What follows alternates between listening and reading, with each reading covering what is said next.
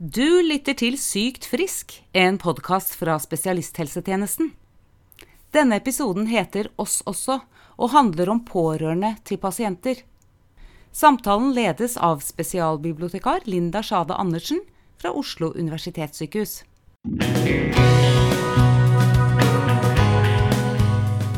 Hva skjer med en familie når én blir alvorlig syk?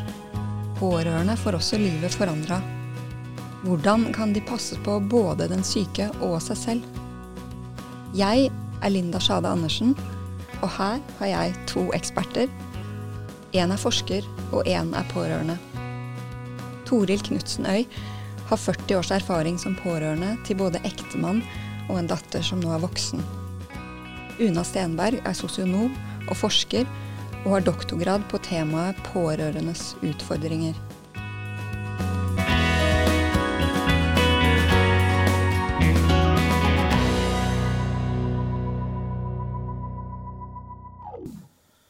Å skulle stable et liv på beina som da ble på mange måter snudd på hodet, med å både ikke vite mye om diagnosen, pluss eh, hvordan skulle man forholde seg til et barn midt i det her. Eh, sorgprosesser. Da Toril var 24, mannen Jan 26 og sønnen bare to år, fikk Jan påvist en sjelden og alvorlig genfeil, dystofia myotonica. Toril skulle få erfare at det å være pårørende til en som har en sjelden diagnose, er en krevende og veldig ensom jobb. Å ta det på alvor alene, meg som pårørende, det med å være småbarnsmor, og da ha en mann som var totalt i sjokk og i sorg sjøl, det burde vært uh, annet enn meg som skulle på en måte komme på at jeg burde ta hensyn til og vite at de reaksjonene kommer, og de er helt riktige at de kommer. Mens jeg starta min kompenseringsprosess allerede da, skjønner jeg nå. Men jeg skjønte jo ikke det da. Una, du brenner virkelig for det feltet her, du. Ja, det gjør jeg veldig. Noe av bakgrunnen for hvorfor jeg brenner sånn for det feltet her, handler jo om at altså, som pasient, eller som pårørende, eller da etterlatt, sånn som Toril her er nå, eh, alle må vi håndtere den hverdagen vi har, de utfordringa som vi har. Og mange av oss må jo forholde oss til noe som vi har mista. Og det handler også mye om sorgen over hva man har mista. Eh, og den sorgen starter jo lenge før man blir etterlatt. Ja, det kan jeg skrive under på. Og det syns jeg vel kanskje er eh, snakket litt lite om i systemet opp gjennom årene. At den, den sorgen, den starter jo Den starter nesten når diagnosen er på plass. Ofte når jeg er ute og presenterer forskning, så tar jeg ofte utgangspunkt litt i Jeg vet ikke om du kjenner til Margaret Olin? Eh, film, dokumentarfilmskaperen, jeg har veldig sansen for henne. Eh, hun ble jo sjøl også pårørende. Eh, mannen hennes ble alvorlig sjuk. Eh, og hun sa at sin reaksjon var sånn Hun kjente som at eh, livet satt fast som en slags skrustikke. Mm. og det syns jeg er et godt sitat, fordi det er det vi også ser fra forskningen, det er det veldig mange sier, sant, som er i den situasjonen, at alt stopper litt opp.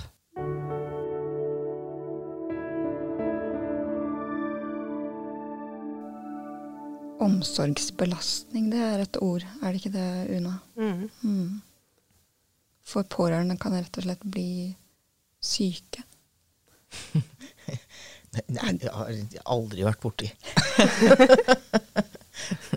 jo. Mm. Ekstremt. Uh, og jeg ble vel både utslitt og syk sjøl før jeg skjønte det selv. Fordi at fokuset på meg sjøl eh, forsvant så mye bak de andres behov. Og da etter hvert så fikk vi jo en, en, et barn til. Så jeg ble jo dobbeltpårørende. Når min datter var ni år, fikk hun diagnose. Og det, å, det puslespillet, da, som der min manns behov uh, virket så mye større enn mine, uh, gjorde at uh, mine behov ble på en måte dyssa ned og lite tatt hensyn til både i meg sjøl og omverdenen. Det var jo veldig mye fokus selvfølgelig på dem, men det skulle jo også vært eh, fokus på meg, hvordan jeg klarte å stå i det, og hva jeg sjøl trengte. Også i min egen bevissthet. At jeg kunne ta kanskje valg på en uh, annen måte da, tidligere. Una, har du noe å legge til når det gjelder pårørendes helse fra din forskning? Ja, vi har egentlig ganske interessante data på akkurat det som Toril sier. Ja. Eh, fordi i, i, den doktorgraden som jeg nevnte da, så var det Vi hadde vel med over 900 deltakere i den. Det var pasienter og pårørende. Uh, og vi målte en del ulike typer helseproblemer og livskvalitet over tid. Og det vi så som var litt interessant, var jo faktisk at eh, en god andel av de pårørende hadde faktisk mer helseproblemer enn pasienter hadde. Og det her var det alvorlig syke pasienter, men det var jo særlig når det kom til depresjon, søvnforstyrrelser, eh, smerteproblematikk. Altså den type symptomer, da. Mm. Det kan jeg skrive under på. Jeg har jo kontakt med ganske mange andre pårørende som lever i litt samme situasjon som meg. Og det er jo det jeg hører, og veldig mange blir faktisk uh, uføretrygdet sjøl etter hvert. Mm. Fordi de sliter seg ut over mange år. Ja, for det var også veldig tydelig i de dataene mm. at det, det, var helt klare sammenhenger til omsorgsbelastning. De som hadde en stor omsorgsbelastning, hadde også mer helseproblemer. Altså, det her er jo ganske logisk, men uh, ja. det var interessant allikevel å få dokumentert det og få data på det da, fra, fra norske pasienter, pårørende. Jeg har en sånn kort, bitte liten sånn episode fra Det var året etter at Jan døde. Så var jeg, ble jeg bedt ut på en eh, kafé sammen med en venninne. Vi satt og drakk kaffe og sånn. Og da stoppa jeg og tenkte Å, er det det folk holder på med? Sitter her og bare koser seg? Skal de ikke passe på at uh, maten er tilrettelagt, og at det går an å få svelge den riktig, eller er det toalett i nærheten? Uh, allting sånn. Ja. ja. For det var sånne ting du hele tiden måtte passe på med mannen din. Ja. Fordi mm. den sykdommen hans gjorde at han hadde problemer med å svelge, svelge og han hadde mageproblemer. Ja, mageproblemer. Ja. Delvis inkontinent òg. ja, mm. Så du har stått i veldig mye Da ble det fort min minus på min side i forhold til å ha et, et trivselsmoment, da. Mm. Og da tenkte Jeg glemte det jo. At det var, det var en del av livet. Å kunne få lov til å gjøre sånt.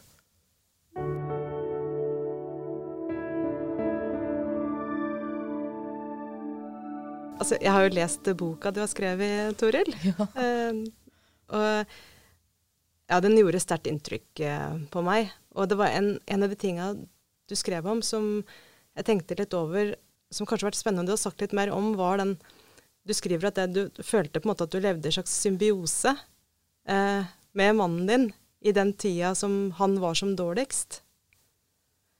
Hva, hva mener du egentlig med det? Altså Jeg skriver et kapittel i boka mi som jeg kaller 'De vanskelige valgene'. Um, og jeg så jo etter hvert at um, jeg måtte på en måte sette noen grenser, jeg, for jeg hadde to barn også. Og jeg ble såpass bevisst på meg sjøl at uh, nå må jeg på en måte komme Jeg må gjøre noen grep for å ta vare på meg sjøl. Altså, barna mine har ikke godt av dukken også. Men, men, samtidig så så jeg at en sjelden diagnose og et, et stort sykdomsbilde i kroppen gjorde at han eh, sleit i systemene uten meg. Sånn at eh, all, alle de tingene jeg gjorde, alle de avgjørelsene jeg gjorde, var aldri bare for min skyld. Jeg tok avgjørelser på grunnlag av familien min. Og da ble det sånn uh, hva, hva, er best og hva er verst her? Og som jeg husker For jeg må jo si at noen ganger så var jeg innom tanken jeg tror jeg skulle gått. Og det sier jeg jeg ble, men det er ikke noe standard jeg tenker at skal være for andre mennesker. Men for meg så ble det vanskelig pga. barna mine også. Um, skulle sønnen min være nærmeste pårørende til han? Det syns jeg var vanskelig, blant annet, med en syk søster også. Og det på en måte um, Utryggheten som han um, viste så mange ganger, gjorde at uh, jeg visste jo at jeg var hans store trygghet. Hvis jeg forsvant, hva da? Hvordan skulle jeg Og noen burde jo ha snakka med meg om dette her. Noen burde jo ha resonnert. Noen burde jo ha satt litt på plass og ryddet i det landskapet, følelseslandskapet jeg hadde på innsida da. Det skjedde det- aldri. Det fikk Altså, jeg gikk hos uh, psykiater Ja. uh, periode, og så vi fikk jo liksom tatt litt eggen av det, sånn at jeg på en måte klarte Jeg var veldig sjenert eh, da jeg var ung, eh, men så klarte jeg å være tydeligere i, ut i systemene, da, på våre behov. Sånn at det hjalp litt, så vi fikk jo avlastningshjem, og, og jeg kunne dra for vi fikk personlig assistanse inne i huset vårt, sånn at jeg kunne få en fri helg med trygghet for han hjemme, da. Men likevel, den, det er nå i ettertid jeg har lært meg enda mer den kognitive biten av å frigjøre meg sjøl, da. Mm. Og det er jo veldig, veldig viktig. å Sortere. Mm. Jeg kjenner veldig godt igjen det du sier, da. Fordi det er det veldig mange andre som også sier, på tvers av ulike diagnoser. Ja. Eh, de beskriver på en måte sin opplevelse som pårørende som et slags forløp, eller en sånn prosess, som blir parallell til den sykdomsforløpet til den som er sjuk, da. Eh, men at det de to forløpa blir allikevel Det er veldig mye felles, men det er også veldig ulike behov. F.eks. behovet for eh, informasjon er jo ikke nødvendigvis likt. Altså, jeg lærte meg jo opp gjennom åra med han at jeg måtte jo på en måte gå inn og sortere hva, hva er det jeg skal spørre han om, og hva skal jeg spørre andre om, og hva må jeg spørre meg sjøl om. Og det arbeidet der er ganske stort og ganske slitsomt da, når det gjelder et annet menneske du er glad i, og som uh, har det veldig vanskelig. Det er jo derfor det er så viktig med støtte til pårørende. For det, Ja. det er jo ikke bare pårørende sjøl som trenger støtte, men har pårørende støtte, så vil jo de kunne gi en mye bedre støtte til den som er sjuk. Det er som det med oksygenmaska som du skal ta på deg først i flyet. Det skal du gjøre før du setter den på barnet ditt. Ja, og det en- er et veldig godt sånn det, Men hvordan får vi det til i praksis? Mm. Ja, det tror jeg vil hjelpe hverandre. Å snakke høyt. Og det var vel egentlig derfor jeg skrev boka mi òg. At jeg tenkte nå har jeg lyst til å sette fokus og hjelpe noen til For det er veldig mange pårørende som også blir veldig stille. Har dårlig samvittighet. For for at mine behov er så små i forhold til den syke. Sånn at da, da får jeg holde kjeft.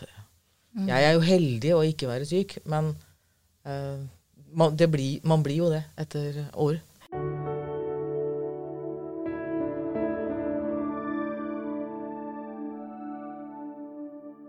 Det er jo ganske mange år siden mannen din eh, ble syk.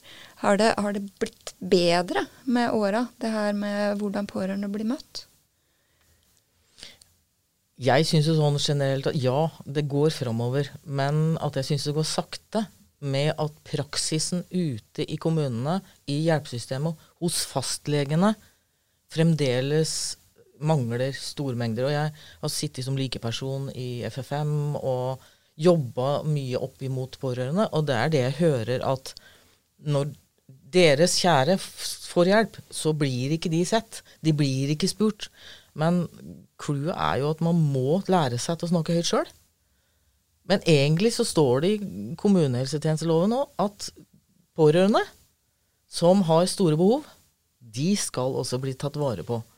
Mens det opplever jeg ikke at jeg hører fra pårørende at det er tilfellet at det skjer. For det er så travelt.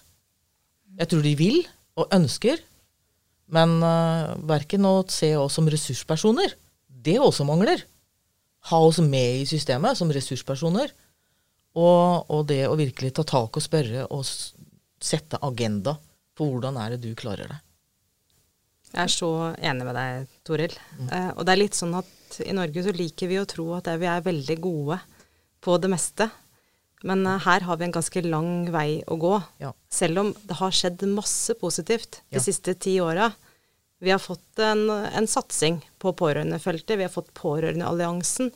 Vi har fått pårørendesenter i Stavanger. Vi, det har, vi har fått pårørendeveileder.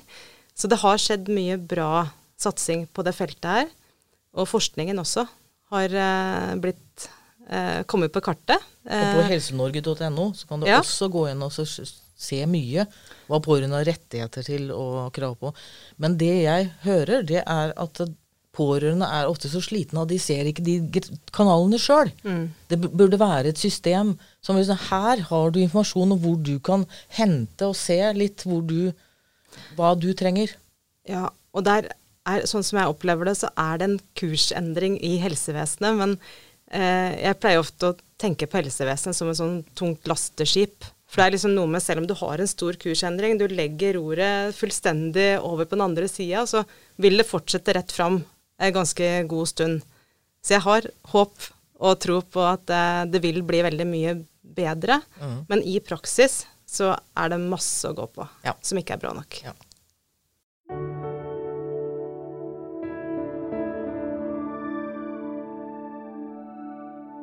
Når man går fra å være et ektepar til å bli en pasient og en pårørende, det er en ganske inngripende rolleendring. Kan det ikke være det, Una?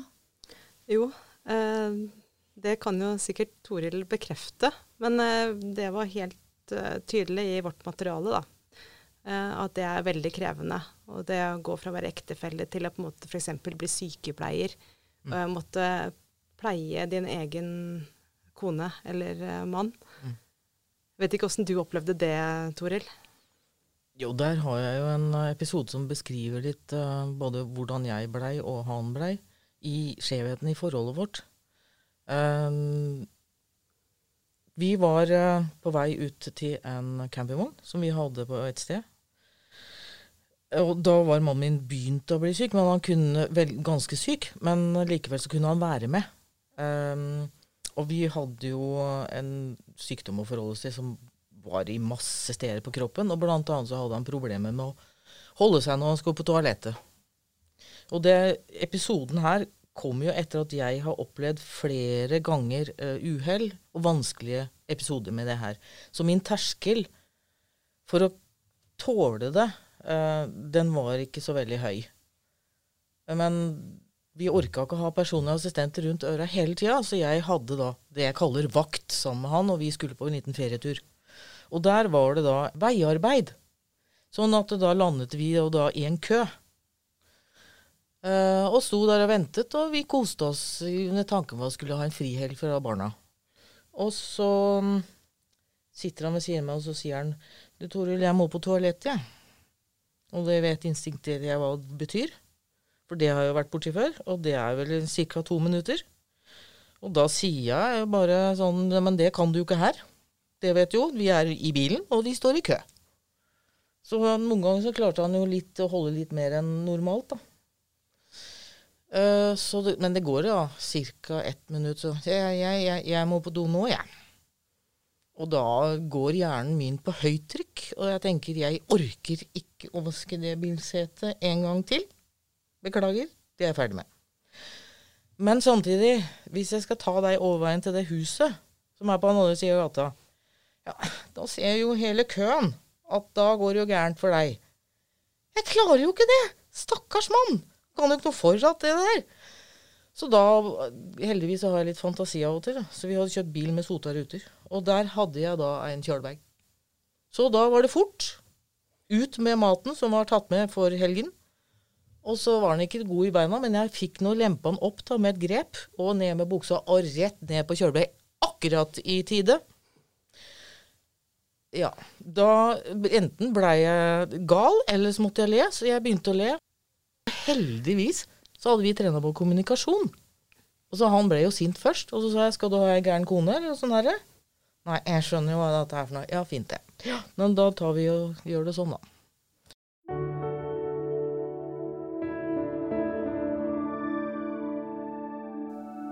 Men jeg har jo lært ekstremt, da. Av å være oppe i sånne episoder. Og ta meg sjøl på alvor òg, for Jan døde jo for syv år siden. Og så har jeg en datter som uh, har samme diagnose, så jeg er jo pårørende fremdeles. Så jeg også tenkte jo når han døde, da var jeg st nesten stort sett utslitt etter to års dødsløp med han. Men uh, jeg tenkte at uh, mine barn de fortjener ikke en mamma som skal gå dukken av det her. Så hvordan kan jeg ta vare på meg sjøl bedre enn det jeg har klart hittil med det løpet? Jeg så ikke mer enn jeg så da jeg var gift med han. Og da begynte jeg med kognitiv trening. Um, Jeg begynte bevisst å være veldig nøye på når jeg skulle ha problemtanker oppi hodet mitt, og ikke. Uh, så jeg sorterte veldig nøye. Så jeg, jeg, lagde en plakat som jeg kalte Mine pusterom. Og den, den, ble jo ikke fullført med alle punktene alltid, men jeg ville alltid finne et punkt jeg skulle holde på med. Og noe av det som jeg scora veldig på, det var de pustepausene der jeg f.eks. var ute i naturen, fikk pusterom. Eh, også mosjon, for å holde kroppen ved like. Jeg begynte å bli eller, nøye på maten min. Jeg visste at kroppen trengte næring. Kroppen trengte å bygges opp igjen. Da. Og så var det, skjønte jeg også etter hvert, uh, hvordan jeg hadde snakket med meg sjøl. Var jo ikke heller pent i forhold til mitt stå, eget ståsted. Jeg er like verdifull som alle andre, og jeg skal ta vare på meg sjøl. Så jeg så meg sjøl i speilet og hadde godord til meg selv hver dag. Og det vaneendring skjer i løpet av 66 dager, så da var det hver dag. Selv om jeg syntes det var helt awkward å si det. Og til slutt så trodde jeg på det, gitt. Da blei hun ganske fin, hun dama. Så bra. Og da klarte jeg å sette mer riktige grenser etter hvert. Og så klarer jeg det ikke alltid. Nei. For det livet er uforutsigbart. Mm. Men, det, Men, du har den lista di fortsatt? Ja, ja, ja. Lista, og den må jeg repetere. Mm. Sklir ut, og så må hun ta seg igjen. Og så må vi finne hva er viktig fokus nå, for at jeg skal være god for meg sjøl. For er jeg ikke god for meg sjøl, så er jeg ikke god for andre heller. Mm. Du sendte en mail til meg, eh, og noe av det øverste du skrev der, var takknemlighet med store bokstaver. Mm skrevet takknemlighetsdagbok. Ja. Fordi at det løfter blikket. For jeg tror, selv om vi er i en ganske vanskelige situasjoner, så er det alltid noe vi kan se på. Ikke for å ta bort det vanskelige, men for å få en bedre balanse i følelseslivet. Og jeg er så heldig å bo ved sjøen, så er det bare at jeg kan se på sjøen. For meg så var det nok til å på en måte klare å ha en bedre eh, ståsted da, om morgenen når jeg sto opp.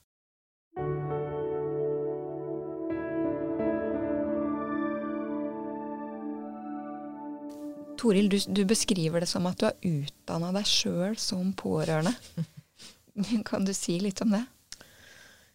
Ja, med alle mine møter med helsevesenet, mitt, mitt ståsted for å være der, har jo vært å hjelpe og avklare en vanskelig situasjon, som jeg skjønner at alt helsepersonell ikke alltid kan ha kunnskap om.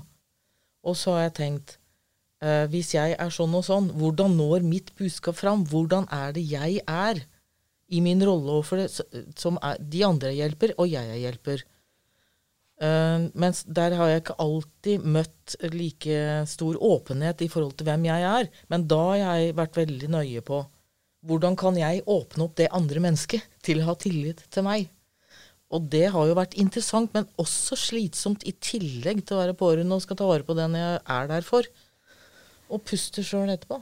Ja, Så må du også spille din riktige rolle overfor helsepersonell, sånn at all den kunnskapen og informasjonen du sitter på, blir tatt imot. Ja, blir tatt på alvor. Ja. ja jeg skjønner. Mm.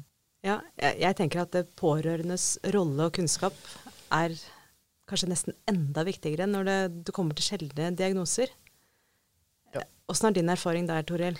Da, garantert med to streker under unna, så må jeg si det. For det, det er jo ikke forventa heller at helsevesenet skal kunne, kunne alle sjeldenheter. Sånn at den, vi som lever sammen med dem og erfarer diagnosen i praksis, vi burde, for, slik jeg ser det, burde være standard å ha samtale med oss. Det burde ligge i systemet å ha samtale med oss. Fordi at vi er med på å redde. Mm. Vi er med på å redde feilbehandling. Vi er med på å spare faktisk både stat og kommune. Ja, og innimellom kan det jo til og med handle om liv, liv og død. Mm. Og, ja, det er så alvorlig. Mm. mm.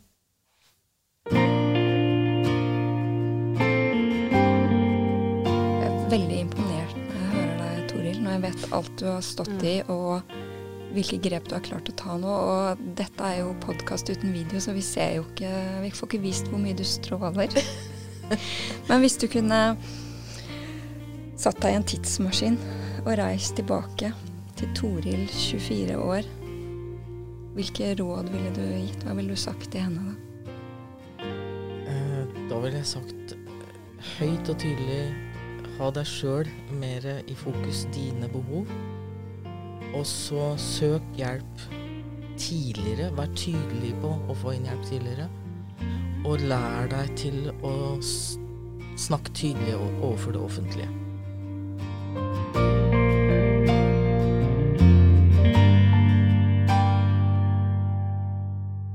Du har hørt en episode i Sykt frisk, en podkast fra spesialisthelsetjenesten.